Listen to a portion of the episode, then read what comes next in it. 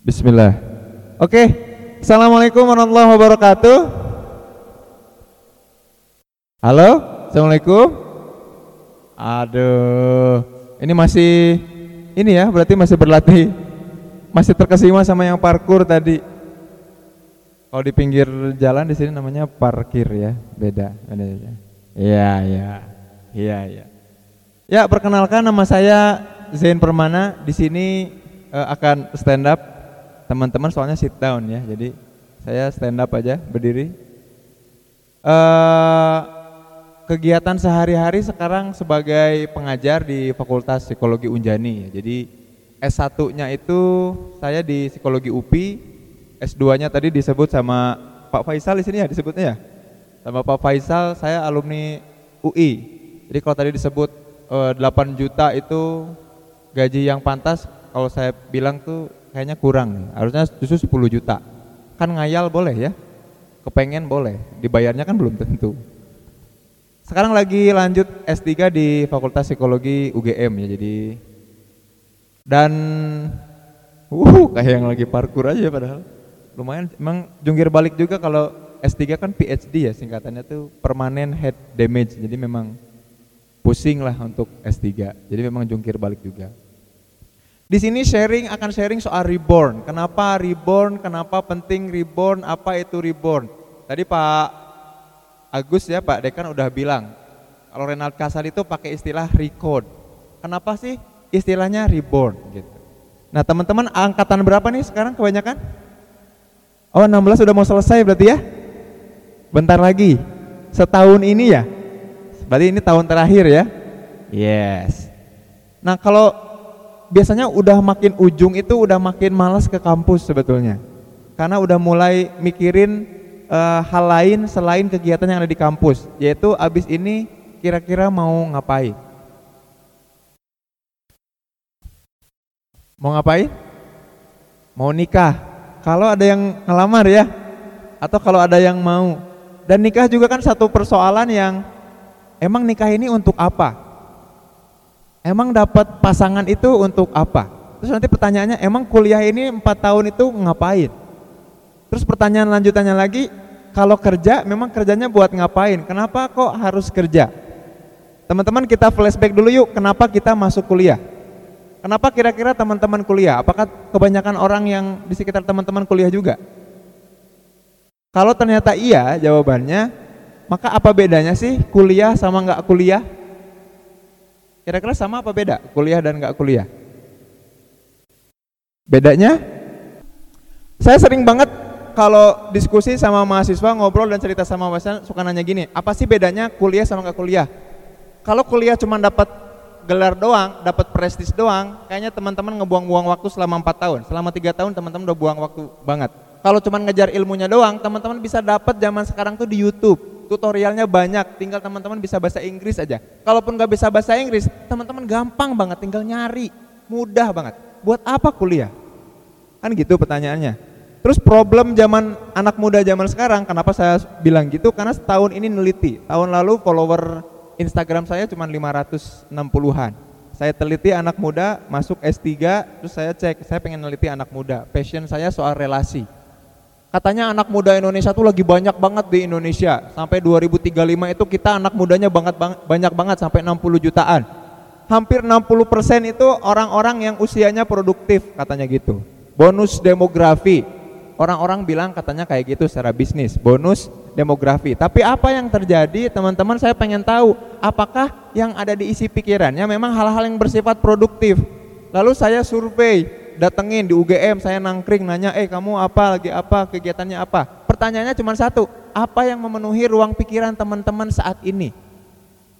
Beberapa tahun yang lalu saya juga sempat survei di TELU terkait dengan perpindahan pergantian antara STT STT menjadi digabung ketika jadi TELU saat itu juga saya sebar pertanyaan yang sama apa sih yang memenuhi ruang pikiran teman-teman? Apa yang saat ini saat ini sedang memenuhi ruang pikiran teman-teman Gak kerasa ternyata jawaban itu membuat saya bikin-bikin konten Instagram sampai sekarang udah mulai berapa ya? 5 ribuan, 6 ribu kalau nggak salah follower itu dalam setahun. bukan ngomongin yang lain-lain, kontennya cuma konten itu. Kenapa? Karena ternyata yang ada di otak anak muda 18 sampai 25 tahun, teman-teman yang ada di hadapan saya, bukan lagi karya sama prestasi. Lucu banget, yang ada di pikirannya adalah bagaimana caranya mendapatkan pasangan, bertahan dengan pasangan, melupakan pasangan yang sudah jadi mantan, dan juga gimana caranya gebetan tanpa menggebet atau gebetan dapat gebetan tanpa ketahuan atau dengan instan. Itu yang ada di ruang pikiran anak zaman now.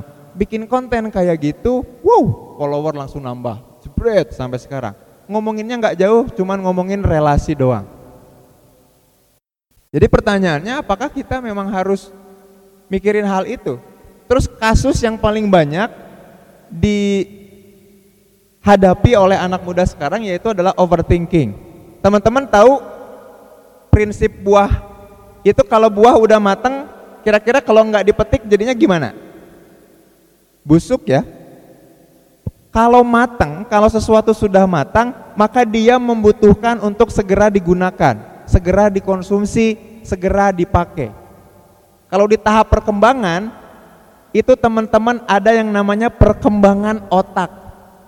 Di bawah umur 2 tahun, kita tidak bisa berpikir hal-hal yang abstrak, teman-teman. Makanya kalau menghadapi anak di bawah 2 tahun, permainan yang paling mudah mengelabui anak di bawah 2 tahun adalah permainan yang namanya cilukba.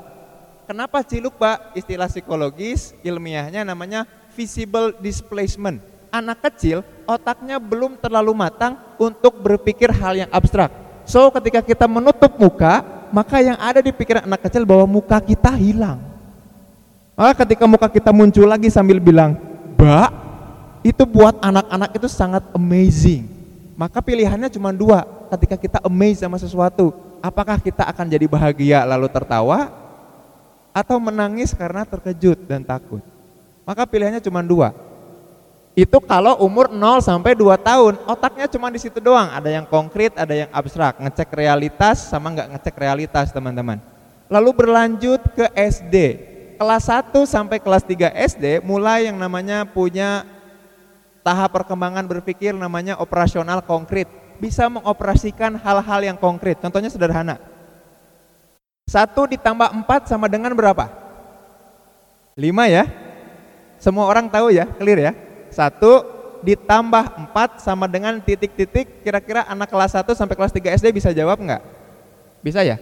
Oke, tapi kelas anak kelas 3 SD bisa nggak ngejawab kayak gini? Satu ditambah titik-titik sama dengan lima. Bisa nggak kira-kira dia ngejawab itu? Anak kelas 1 sampai kelas 3 SD. Kalau teman-teman mau survei silahkan survei ke anak-anak SD ya, kelas 1, 2, dan 3. Penjumlahannya sama, hukumnya sama kan? Kalau satu ditambah 4 sama dengan titik-titik bisa jawab. Tapi kalau satu ditambah titik-titik sama dengan 5, si titik-titik ini belum sanggup dijawab diatasi oleh anak kelas 1 sampai 3 SD. Kalau anak kelas 4 sampai kelas 6 SD masih bisa. Kenapa? Karena otaknya belum mateng, teman-teman. Nah, makin lama teman-teman makin mateng otaknya, makin mampu dan butuh untuk memikirkan sesuatu. Termasuk teman-teman yang udah kuliah. Kalau teman-teman udah kuliah, sudah berada di tahap perkembangan pikiran yang sangat tinggi dan sangat kompleks. Sayangnya, kalau anak muda yang seperti teman-teman tidak punya objek berpikir, maka yang terjadi adalah memikirkan hal-hal yang tidak seharusnya dipikirkan.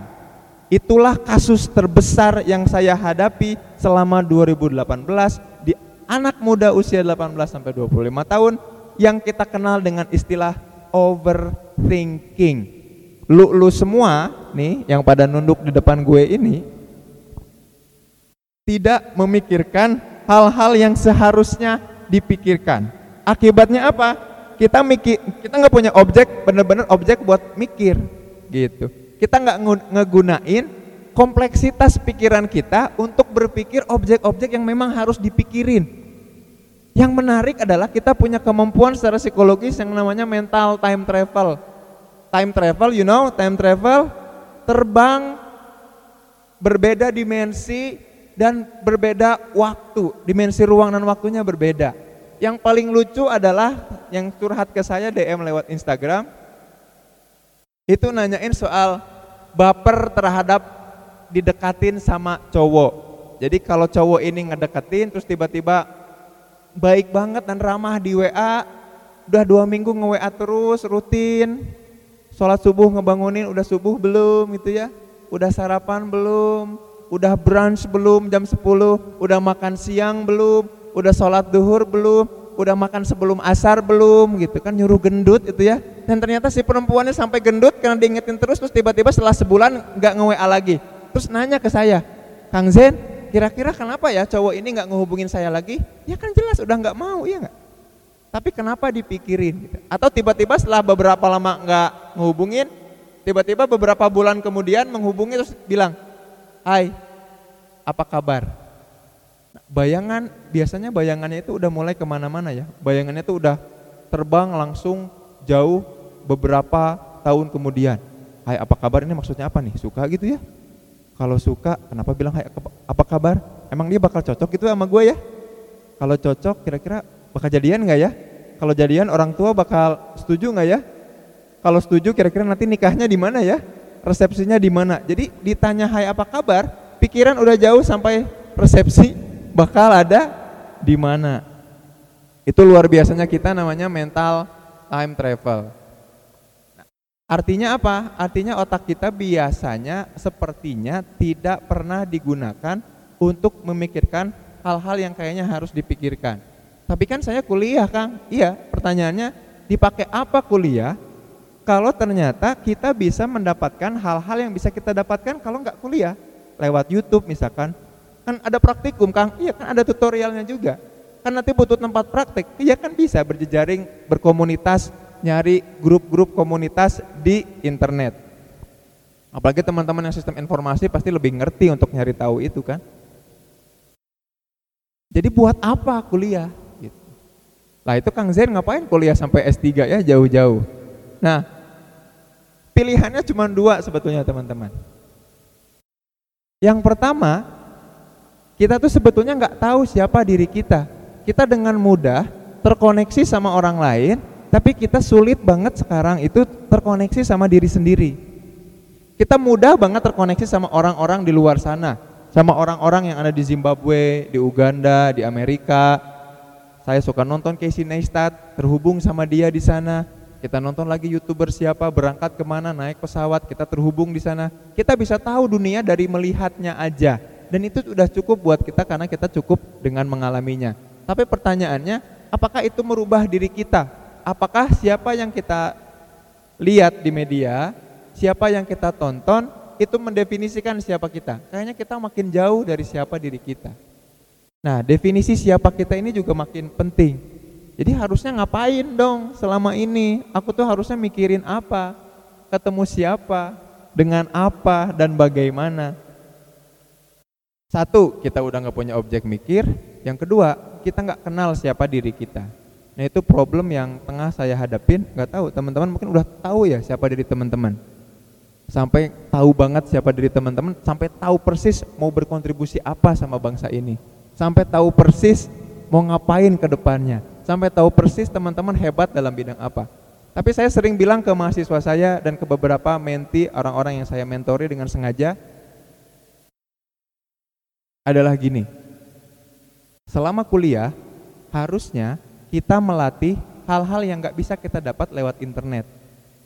Kita manfaatkan pertemuan dengan dosen, dengan organisasi yang ada di kampus, dengan teman-teman yang ada di kampus untuk menghabiskan jatah gagal kita. Pertanyaannya, sudah berapa kali gagal ketika kita berkuliah selama tingkat 1 sampai tingkat 4 ini? Karena ciri orang yang sukses bukan orang yang sekali coba langsung berhasil, tapi orang yang sukses adalah orang yang jatah gagalnya udah habis. Sekali lagi, orang sukses adalah orang yang jatah gagalnya habis. Kita cek aja penemu bola lampu misalkan.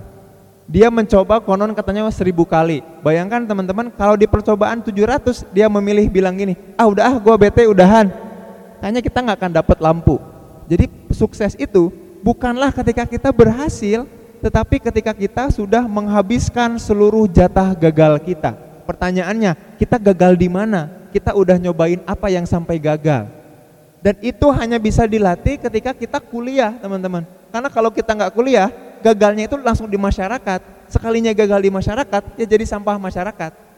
Keburu lulus kuliah nih teman-teman, masih ada waktu setahun, keburu lulus kuliah, di tempat kerja itu gagal, ya langsung dipecat dan di blacklist sama perusahaan. Kan sesimpel itu. Tapi di mana lagi tempat kita bisa membuang banyak sekali jatah gagal di organisasi, di tempat kita bekerja, di tempat kita berkarya sehari-hari dan karya itu yang paling penting. Maka memikirkan karya harusnya jadi objek utama anak muda. Yang itu tuh nggak banyak dipikirin sama anak muda zaman sekarang. Kan pertanyaannya jadi teman-teman mikirin apa setiap hari? Mikirin jodoh kapan gitu ya? Kan, kan pertanyaannya simpel ketika saya tanya abis lulus emang mau ngapain yang mulai terbersit itu kan langsung nikah. Nikahnya mau jadi apa mau menghasilkan anak untuk berkontribusi jadi apa dengan bangsa kan kita nggak tahu. Maka prinsip itu harus kita pegang ya. Jadi jangan sampai kita tidak membuang jatah gagal karena kita berada di zona nyaman. Makanya saya agak gemes juga sama anak muda yang mager dan santuy. Dan mager dan santuйnya itu menjadikan prinsip dan cara hidupnya. Padahal ada cara hidup lainnya yang anak muda lain juga sedang coba jalankan. Namanya skui living. Apa pun yang terjadi, skui. Ya udah aja skui, jalanin jalanin. Kalaupun gagal, tinggal minta maaf karena tahu orang-orang bahwa kita sedang kuliah. Ketemu dosen, bertemu dosen, papasan dengan dosen, tanya, ngobrol, sharing kira-kira saya bisa bantu apa? Ada jatah gagal apa yang bisa diberikan di kampus, di kelas? Buat sehebat-hebatnya karena nanti dunia ini gak semudah itu gitu. Apalagi sudah lulus. Makanya satu, kita nggak punya objek berpikir. Kedua, harus punya media tempat kita gagal. Kalau kita nggak sempat gagal, nggak akan pernah bisa berhasil. Nah yang tadi prinsipnya syarat kita sukses atau berhasil adalah sudah habisnya jatah gagal. Gak pernah ada orang yang sekali nyoba langsung berhasil. Bisa jadi ujian itu ya, cobaan. Jadi kita harus puang sebanyak-banyaknya jatah gagal. Aku pengen jadi bisnismen keren, pengen punya startup bagus. Kalau nggak mulai dari sekarang, bulpit namanya. Gak bisa kayak gitu, omong kosong doang.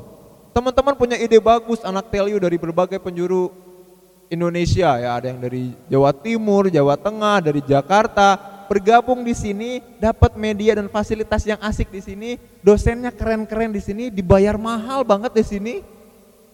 Tapi nggak dioptimalisasi. Tapi teman-teman hindari, skip kuliah. Nggak pernah masuk kelas itu dengan kondisi semangat. Oke, nih gua apain nih biar gagal nih gua nih, gua abisin jatah gagal masuk kelas. Pernah nggak melakukan itu? Ketika praktikum, ini nyobain apa sih? Ada yang belum pernah nggak dicobain di sini? Coba ya, saya coba. Makanya kenapa hanya orang bodoh yang memandang Mark Zuckerberg dan juga Bill Gates itu DO karena mereka memilih untuk DO. Enggak, mereka DO itu karena setelah mencoba kayaknya media untuk gagalnya udah bukan di sini lagi. Mereka memilih untuk DO.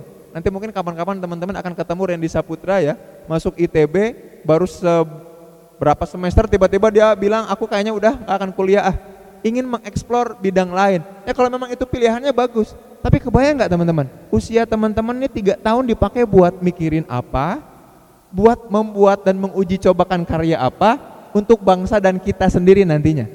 Kalau belum, kayaknya harus mulai dari sekarang. Gitu. Oke, cukup dengan prinsipnya. Saya mulai ke stepnya. Oke, Kang Zen, kalau gitu harus ngapain nih? harus ngapain supaya saya punya objek berpikir. Satu itu dan kedua, harus ngapain supaya saya bisa betul-betul mengoptimalkan jatah gagal selama di kampus. Ada empat langkah, saya sebut dengan empat E. Kalau empat E ini teman-teman jalankan, asik ya, mulai dari sekarang. Empat E itu apa? E pertama, cari yang easy yang teman-teman mudah untuk lakukan. Jadi E pertama adalah easy. Cari hal-hal yang paling mudah yang teman-teman lakukan. Easy. Aku mudah untuk senyum, aku mudah untuk ngomong. Ya udah lakukan aja, cobain terus. Dan pakai prinsip istiqomah ya, harus rutin dijalankan. Kalau itu berlangsung dua hari, maka langsung jalankan juga. Easy buat saya main game. Oke, nanti saya ceritain. Saya pernah dibayar dari 2014 sampai 2016, cuman main game doang. Makanya anak istri saya nggak pernah protes kalau saya main game. Lawang main gamenya gue dibayar kok. Makanya saya nggak mau menghabiskan jatah waktu hidup saya dengan terbuang percuma. Saya bisa banget ngomong, easy ngomong. Jadi teman-teman cari satu hal aja, satu hal, coba selama seminggu hal apa yang paling easy kamu lakukan. Yang positif, yang bisa helping others. Oke? Okay? Yang pertama, E-nya apa? Easy. Yang kedua, percuma easy kalau ternyata nggak enjoy. Wah, gue paling mudah ternyata nganterin orang. Senyum juga percuma, dicemberutin terus. Tapi kalau udah gua datang seorang bilang anterin gua dong. Ayo udah ayo ayo. Dianterin. Anterin aja. Anterin gua dong. Iya ayo anterin. Ternyata nganterin orang tuh easy for me to do it. Mudah untuk nganterin orang. Tapi nganterin orang ini bikin gua nggak enjoy. Buru-buru hapus kerjaan itu cari kegiatan lain yang lebih easy lagi. Cari lagi yang easy artinya itu tuh udah gagal kebayang ya kalau easy udah oke okay, tapi enjoynya enggak itu gagal berarti yang disebut jatah gagal adalah ketika easy udah memenuhi, tapi ke tahap selanjutnya we are not enjoying that. Aku ngomong, pas ngomong ternyata lama-lama nggak enjoy. Kayaknya bukan ini deh. Cari yang lain, berarti denger. Denger aja. Yuk, lo ngomong dong. Gue nanya ya lo yang ngomong. Denger juga ternyata easy, easy for you, tapi you're not enjoying it, nggak enjoy. Cari lagi yang lain. Kebayang ya? Kalau udah easy dan juga enjoy, cocok kayaknya untuk masuk ke tahap selanjutnya. Expert enggak lo? Hai, halo? Expert enggak? Yang dimaksud expert itu sederhana. Cari pembanding, kita better apa enggak? Better atau beda apa enggak? Jadi cari pembanding, kita better atau different atau enggak? Saya easy buat main game, gampang banget buat main game ya. Buka scrolling Instagram kan enak banget nge-scroll. Mudah buat saya buka Instagram. Tapi mudah nggak buat saya untuk nyari foto yang bagus, bikin caption yang inspirasional kalau itu juga susah, kita coba buat jadi mudah. Udah mudah nih kontennya apa ya? Konten soal relasi deh. Konten soal inspirasi deh, posting. Lanjutkan itu dan saya enjoy itu lama-lama dibandingkan akun-akun teman saya yang saya follow, saya lebih inspirasional. Akhirnya lebih banyak di like, engagement lebih banyak, yang endorse juga udah lumayan ya, seenggaknya nggak usah beli lagi lemon, ada yang endorse, nggak usah lagi beli apa namanya baju nggak usah lagi beli ya. Tiap ada momen Muharram saya dikasih. Kang Zain mau ngisi di mana sekarang pakai baju yang ini ya? Asik tuh follower cuma lima ribuan. Tapi Kang Zain tampil di mana? Jangan lupa disebutin bajunya gitu. Kalau sekarang kebetulan ini udah habis kontraknya saya nggak sebutin lagi ya. Beberapa kali di endorse. Madu makanan banyak banget donat ah luar biasa easy enjoy dan expert main game contohnya. Saya main game namanya Winnie Warriors dulu. Saya cari game yang belum banyak dimainin sama orang. Yang reviewnya masih dikit saya mainin. Easy for me to playing games. Habis main games, enjoy banget sampai lupa waktu ya. Lupa waktu. Ah. Tapi nggak mau cuman berhenti di situ, harus naikin levelnya jadi expert. Aku harus bisa lebih baik dari yang lain. Tebak teman-teman, dalam waktu enam bulan saya jadi player ter, player yang paling banyak poinnya di Indonesia. Bikin Legend saya masternya. Legend itu apa ya? Semacam grup komunitas saya masternya di situ. Lalu dihubungi dan di email sama Trinity Games yang punya gamesnya. Itu tahun 2014 saya mulai main game Januari, mulai Juni waktu bulan puasa waktu itu dihubungin sama pihak gamesnya. Eh Zen, kalau kamu uh, ngasih email dalam format ini terus ngasih tahu ada gini gini gininya maka kamu akan kita bayar gitu. Wow serius? Ya minta nomor rekening saya bikin dulu rekening yang ada visanya yang bisa nyambung sama luar negeri. Oke udah bikin saya cek. Gampang kerjaan saya apa coba? Ngecek tiap ada hero baru hero baru tiap ada updatean tugas saya adalah ngecek jadi beta testernya dulu. Kalau hero ini mukulnya 80 dan dia dapat defense-nya 60 yang keluar 20 apa enggak cuman ngitung doang, main game sambil ngitung. Dan tiap bulan saya setor ke mereka dan tiap bulan saya dapat 4 sampai 6 juta tahun 2014. Makanya nggak ada yang protes lagi kalau saya lagi main game. Kenapa? Lagi apa? Lagi main game. Oh, jangan diganggu. Karena kerja, men. Nah, teman-teman, main gamenya kerja apa dikerjain sama game? Kebayang ya? Kita mikirin hal-hal yang nggak bisa kita pikirin, kita nggak expert di situ, kita jadi konsumen di situ, jadi sampah kita lama-lama. Nama universitasnya aja bagus ya Telkom University, global, nasional. Udah keluar, harus ngirim-ngirim lamaran juga, harus bersaing yang sama yang lain juga, harus nyari-nyari media tempat kita gagal juga. Kenapa nggak dari sekarang? Kenapa nggak kita coba gagal dari sekarang, create something yang cuman kita playernya gitu. Saya udah nggak dibayar lagi di situ karena udah gamenya udah tutup, udah nggak ramai lagi, udah nggak diupdate lagi, udah males orang mainnya. Gara-gara muncul dari Garena itu apa ya, yang tiba-tiba ada sayembara main grup bareng sebelum ada PUBG sama Mobile Legend. Mau main Mobile Legend udah keburu banyak pemainnya, dan saya udah nggak bisa ngejar karena udah keburu ngajar, banyak jadi konsultan dan macam-macam. Coba dulu, coba dulu, gagal. Jadi apa tadi? Easy, enjoy, expert. Kalau ternyata nggak expert-expert, harus buru-buru ganti. Kalau teman-teman main game, main gamenya nggak expert-expert juga, ganti gamenya cari yang lain, cari yang dibayar. Pengen jadi youtuber, nggak expert-expert juga jadi youtubernya, buru-buru ganti platform gitu. YouTube saya nggak rame-rame ya viewersnya, ganti platform. Ada IGTV, nggak rame-rame juga, ganti. Yang penting jatah gagal, sekalinya gagal, buru-buru ganti tapi teman-teman kalau expert aja nggak, kalau cuma sampai ke level expert aja itu nggak begitu bagus. Sampai kita nyampe ke E terakhir yaitu earn, earn harus dapat sesuatu dari situ, harus dapat sesuatu dari situ. Contoh, saya easy banget buat ngomong. Ah, ngomongin orang gampang. Ngomong itu mudah ngomong itu alah sekalinya dikasih mic susah banget buat berhenti nih kayak sekarang. Susah banget buat berhenti ngomong. It's easy for me to speak buat ngomong. Dan saya enjoy banget kalau udah ngomong. Apalagi kalau udah yang orang yang diajak ngomong tuh terinspirasi gitu. Enjoy banget udah enjoy. Dan aku expert karena materi aku ini materi gue ini nggak pernah orang lain punya. Saya bikin yang namanya filosofi ruang hati. Teman-teman bisa dicek instagramnya itu ngumpulin orang-orang yang berada dalam toxic relationship. Gimana cara mengeluarkannya? Fakta-fakta apa terkait toxic relationship? Kenapa perempuan yang selalu jadi korban dibanding laki-laki? Udah enjoy banget, udah expert di situ karena belum ada istilah toxic relationship di dunia jurnal internasional. Saya masuk di situ, publikasi jurnal internasional, dan earn akhirnya dapat uang ketika ngomong jadi pembicara di 150 perusahaan nasional. Dari mulai tahun 2016 sampai sekarang udah diundang ke mana-mana.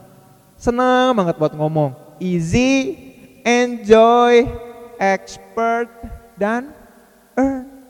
Teman-teman duduk di sini bisa jadi kepaksa nggak denger saya ya. Udah nggak easy buat jalan udah nggak enjoy nggak expert juga sebagai pendengar karena nggak antusias ya nggak dibanding teman-teman ada yang nyatot yang antusias wis seenggaknya kalaupun saya nggak ekspor di bidang lain saya akan ekspor di bidang mendengarkan.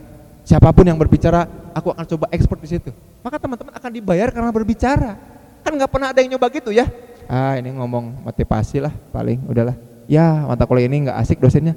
Bukan untuk itu tapi coba dilatih sampai teman-teman expert dan bakal ada yang bayar nggak dengan kayak gitu? Kalau enggak ganti. Berarti bukan itu bidang teman-teman maka kalau ada yang bilang, apa sih tujuan manusia diciptakan di dunia untuk beribadah? Iya, semua juga ibadah itu kewajiban. Nah, jadi gini suaranya. Eh, eh. Ibadah itu kewajiban, tapi spesifiknya dalam hal apa? Tadi pas lagi sholat maghrib, imamnya bacain surat itu. Sibgotullah katanya.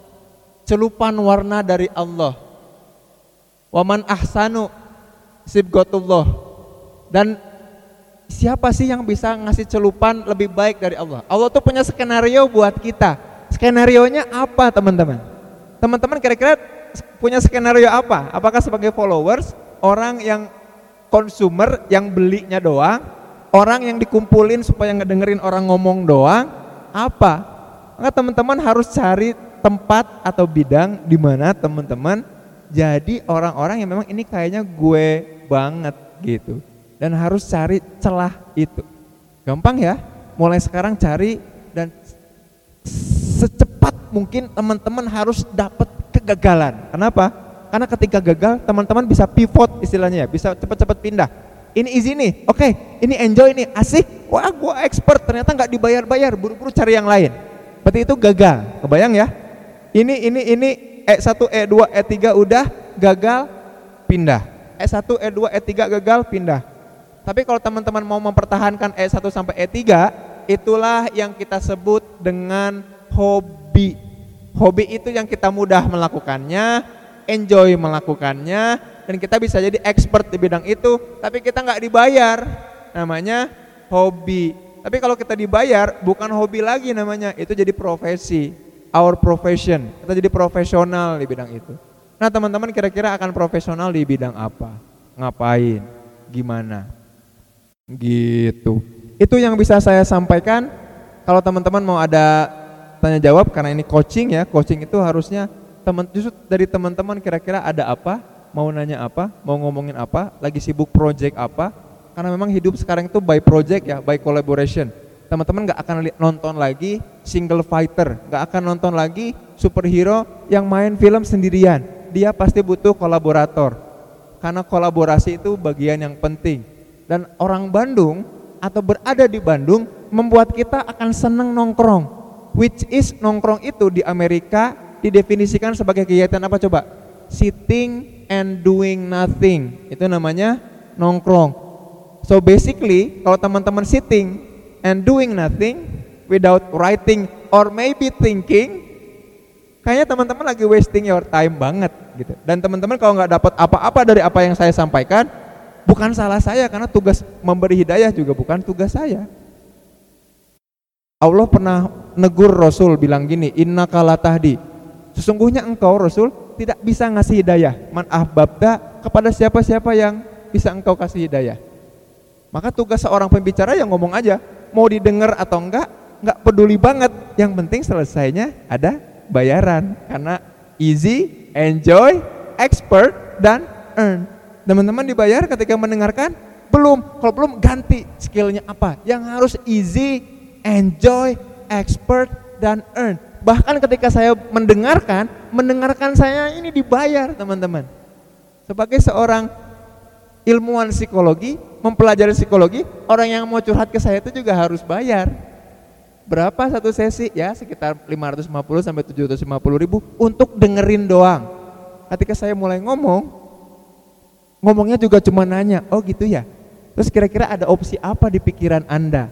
Ngomong lagi, apakah Anda merasa lebih baik dengan opsi itu? Iya, terima kasih. Sesi selesai. Dadah. Tanda tangan. Easy, enjoy, expert in listening, earn, dibayar. Kalau teman-teman sampai nggak earn sama sekali, nggak ada earn-earnnya, buru-buru ganti bahkan nggak enjoy sama sekali ganti. Kang gimana kalau saya masuk kuliah nggak enjoy kuliahnya? Ganti kampusnya. Atau memang nggak usah kuliah sama sekali? Kan udah nanggung Kang udah tiga tahun. Ya berarti udah tiga tahun ini buang-buang waktu dan tiga tahun membuang kegagalan. Tiga tahun ini berarti telat ketemu komunitas reborn ini. Ya waktunya memang kita untuk reborn. Mulai dari nol cari lagi apa yang paling easy. Cek lagi apa yang enjoy cek lagi apakah kita akan expert di dalamnya dan coba apakah expertise itu membuat kita earn something. Kalau enggak, kita lagi doing nothing. Gimana mau mempertanggungjawabkannya di someone special someday maybe-nya kita? Kalau tiba-tiba kita bertemu seseorang, lalu ternyata kita adalah seseorang yang nothing. Kalau bahasa Sundanya mah cacing cau ya. Bubuk ranginang di kalengkongguan, enggak berarti apa-apa, nunggu dibuang. So easy, enjoy, expert, dan earn. Itu yang bisa saya sampaikan. Barangkali ada pertanyaan, silahkan. Saya persilahkan. Kalau ada yang mau nanya, ya boleh. Silahkan. Fajar.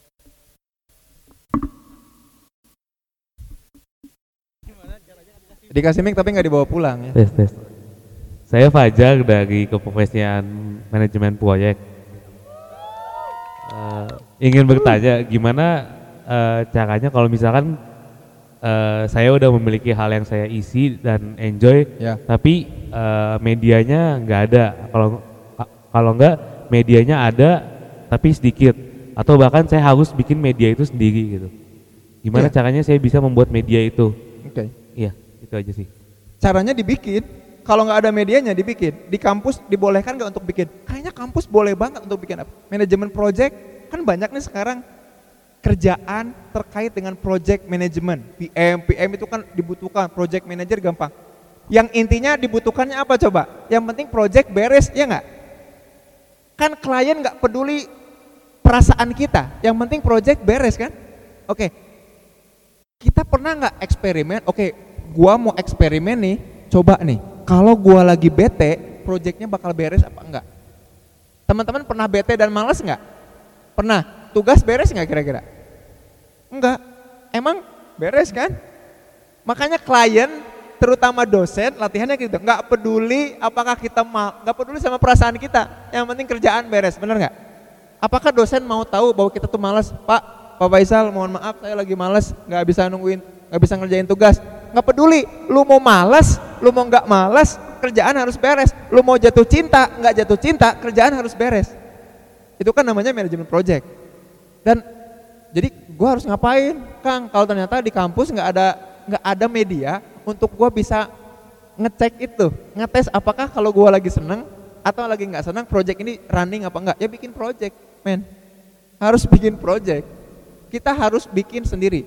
Yang menarik itu ada tokoh namanya Peter Thiel. Teman-teman tahu nggak PayPal financial teknologi pertama kan PayPal orang nggak mungkin nggak bayar pakai PayPal tahu nggak sejarahnya Peter Thiel gimana dia jengah banget, bete banget dari mulai TK kalau ada ya, ada sih ya di Amerika ya kindergarten. TK harus bersaing sama orang, rebut-rebutan jatah kursi masuk TK, masuk SD harus rebut-rebutan kursi sama anak SD lain. SMP gitu, SMA gitu. Ketika masuk Harvard School, masuk Harvard harus bersaing juga. Dan ketika masuk Harvard School of Law, sekolah hukum, harus bersaing juga sama orang lain. Dan dia pengen masuk ke Supreme Court, Mahkamah Agung. Ketika masuk Mahkamah Agung, gagal dia. Terus dia bete, marah, ngamuk, ngelempar semua benda yang bisa dia lihat. Terus dia bilang gini, kenapa saya harus kalah di permainan yang entah siapa yang bikin? Kenapa enggak saya bikin sebuah permainan yang siapa pun yang main saya yang menang? Bayang nggak? Lalu dia bikin keluar sekolahnya, keluar kuliahnya, udah beres berarti kan dia tinggal S2, tinggal masuk Supreme Court, Terus dia bilang, gue bikin yang namanya PayPal. Dan kita semua pakai itu. Tahu nggak teknologi PayPal itu kalau kita pakai di GoPay, di OVO, itu kita bayar ke PayPal karena pakai teknologinya mereka. Kebayang ya? Kita pakai hak cipta, hak paten, sistemnya. Teman-teman yang di sistem informasi manajemen project punya ide apa? Sikat dulu bray di kampus, mumpung ada, nggak bisa. Kok bilang nggak bisa? Kita harus usahakan bisa. Buat data gagal, skripsinya mau itu ah, tugas akhirnya mau ini. Pak ada nggak yang bisa memfasilitasi saya untuk gagal di bidang ini gitu. Kebayang ya? Jadi kita justru yang harus bikin sesuatu supaya kita bisa ngecek gue ini gagal apa enggak? Makanya kalau ada yang kita suka ada yang kita cinta datengin. Neng neng bogoh ke akang. Terus si neng ini bilang enggak kang. Sama aku gue enggak gitu kan udah clear nggak usah sakit hati nggak usah baper kan tinggal nanya aja kalau tiba-tiba dia bilang iya aku bogoh tunggu ya, saya nggak bisa suka sama kamu sekarang. Gitu, udah clear. Maka kita kebiasaan mikirin hal-hal yang nggak usah dipikirin, kapan makan siang, makan apa, ya nggak? Minum apa? Berani nggak kita mulai mikirin apa sih yang lagi orang-orang pikirin dan kita bisa jadi solusi apa? Bisa jadi itu ceruk bisnis buat kita, ya nggak? kita bisa jadi expert di bidang yang kita nggak usah kalah di permainan itu. Kenapa? Karena kita yang bikin permainannya. Kenapa sih orang ngebuang-buang uang buat startup? Karena mereka lagi buang-buang uang supaya uang orang-orang itu ada di situ-situ lagi nggak ke mana-mana, ya nggak? Beli ini pakai OVO, beli itu pakai OVO naik, pakai OVO. Kita sekalinya top up, uangnya muter di OVO aja terus. Pakai OVO aja terus, transfer ke teman pakai OVO, OVO aja terus, GoPay aja terus PayPal, uangnya ada di mereka, di mereka terus uangnya kan gitu. Kita mah asik-asik aja sebagai pengguna, senang dapat gratisan, senang dapat promoan.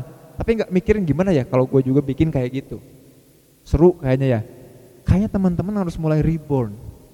Saling mengingetin lagi, yuk kita mulai dari nol, asik kayak tadi ya. Kita mulai dari nol supaya apa? Supaya kita cek ini easy nggak, enjoy nggak, expert nggak, dan earn. Gitu Jar. Sip ya, ada lagi? Yang cewek? Yang cowok? Ya. Siapakah namanya? Oh nunggu mic. Tempat wudhu Ikhwan. Eh, Selamat malam. Malam. Nama saya Fauzi Rofik dari Keprofesian Manajemen Proyek. Yeah. Woo. Jadi saya akan menanyakan, eh, itu kan tadi ada 4 tab 4E ya. Ya. Kalau seandainya saya udah merasakan dari keempat E itu, tapi di pertengahan jalan ada E yaitu enjoy yang hilang. Oke. Nah itu apa Good. saya termasuk orang gagal atau masih bisa berjuang lagi untuk sukses? Ya gagal. Waktunya kita bikin lagi dari awal. Kan kebayang? Ya nggak? Gagal Gini contohnya, friend, ini terjadi sama saya. Saya ngomong enjoy, easy. Ah, ngomong gampang, enjoy ngomong. Expert nih dibanding yang lain, gue expert banget nih. Karena terus abis itu diundang, diundang ke sini juga diundang kan, dibayar, spread, dibayar, earn. Selama lama ngisi terus tiap hari, men. Ketemu orang-orang yang kayak begini-begini juga, misalkan ya. Misalkan ya, misalkan. Begini tuh yang artinya dalam memulai. Begini lagi, aduh kayaknya aku harus naik level nih, harus ngomong ke manusia-manusia gaib misalkan. Next level, beyond human misalkan. Boleh nggak nggak enjoy lagi? Boleh banget. Artinya saya harus mundur dari situ. Nah sebelum mundur, berarti udah saatnya kita mendelegasikan, menyiapkan orang-orang yang menggantikan kita. Kebayang nggak? Tapi udah nyoba belum sampai sampai earn udah dapat. Tapi udah nggak enjoy sekarang. Artinya hal itu harus dilanjutkan kan? Karena udah earn. Kebayang nggak?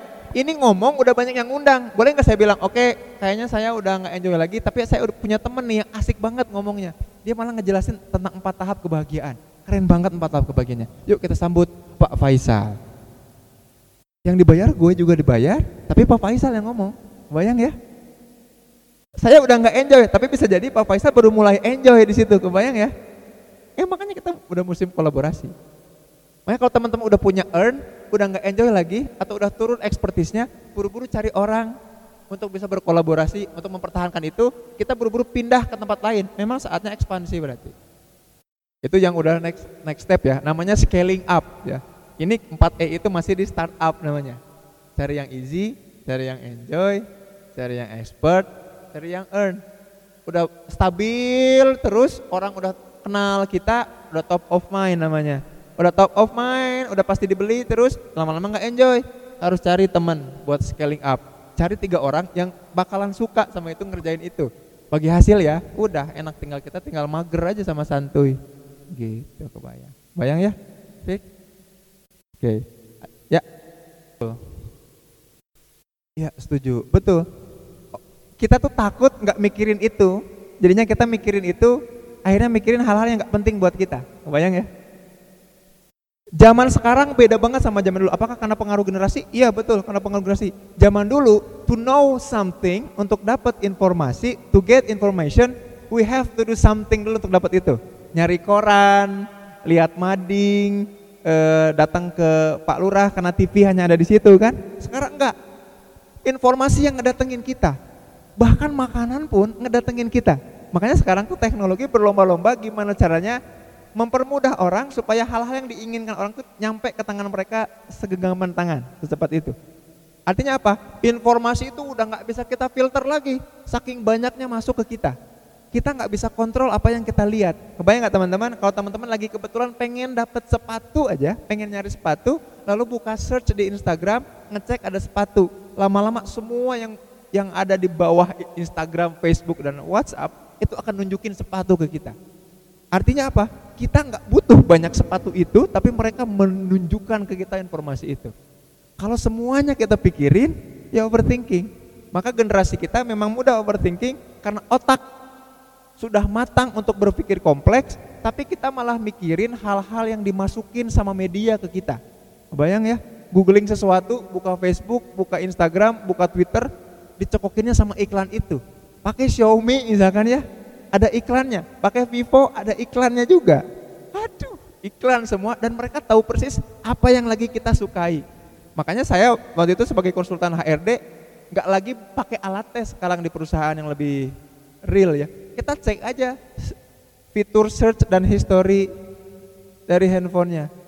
Yang dilihat gambar apa? Sekalinya ngeklik cewek cantik kan cowok langsung banyak histori cewek cantik. Apalagi kalau di Instagram search ada yang cantik satu, kalau kita nge-scroll ke bawahnya kan yang terkait yang cantik-cantik juga. Maka informasi itu masuk ke kita. Kita lihat hijab, yang ke bawah hijab, hijab juga. Lipstick yang made, nggak made, yang tahan lama, yang bisa tahan wudhu, yang ciuman bisa halal misalkan ya. Kan nggak ada. Kayak gitu. Apakah berarti overthinking itu karena generasi? Iya juga, tapi karena memang sekarang itu karakteristiknya kayak gitu. Informasi itu datang bertubi-tubi tanpa bisa kita kontrol, yang membuat kita kayaknya harus lebih mengenal diri dibanding cepet-cepetan untuk tahu teknologi. Kayak tadi kata-kata saya di awal, kita ini lebih mudah terkoneksi sama orang lain, sama dunia luar, dibanding kita terkoneksi sama diri sendiri. Terlalu banyak pikiran sampai lupa melakukan. Bayang ya, dipikirin, makan apa ya, makan apa, makannya enggak. Aduh tugasnya beresin ini ya, beresin itu ya, ngerjainnya enggak. Yang penting itu sekui, makanya sekui aja. Oh bubur kacang, sekui. Habis bubur kacang kita batagor, sekui. Dipakai nasi, sekui. Di toppingnya pakai bakso tahu, sekui. Toppingnya lagi pakai Oreo dan roti bakar, sekui. Pakai roti Mariam, sekui. Gendut, gendut dah. Yang penting sudah melakukan. Dan evaluasi, oh gagal, eh gendut eh. Ulangi lagi dari awal, easy, enjoy, expert, dan earn. Itu aja ya pesan saya mah dibolak-balik empat itu. Bayang ya, eh kayaknya mudah. Tapi tetap kalau dipikirin aja nggak akan jadi sih. Next, ada lagi yang mau ditanyain? Ada? Enggak? Fine? Aman? Aman. Oke.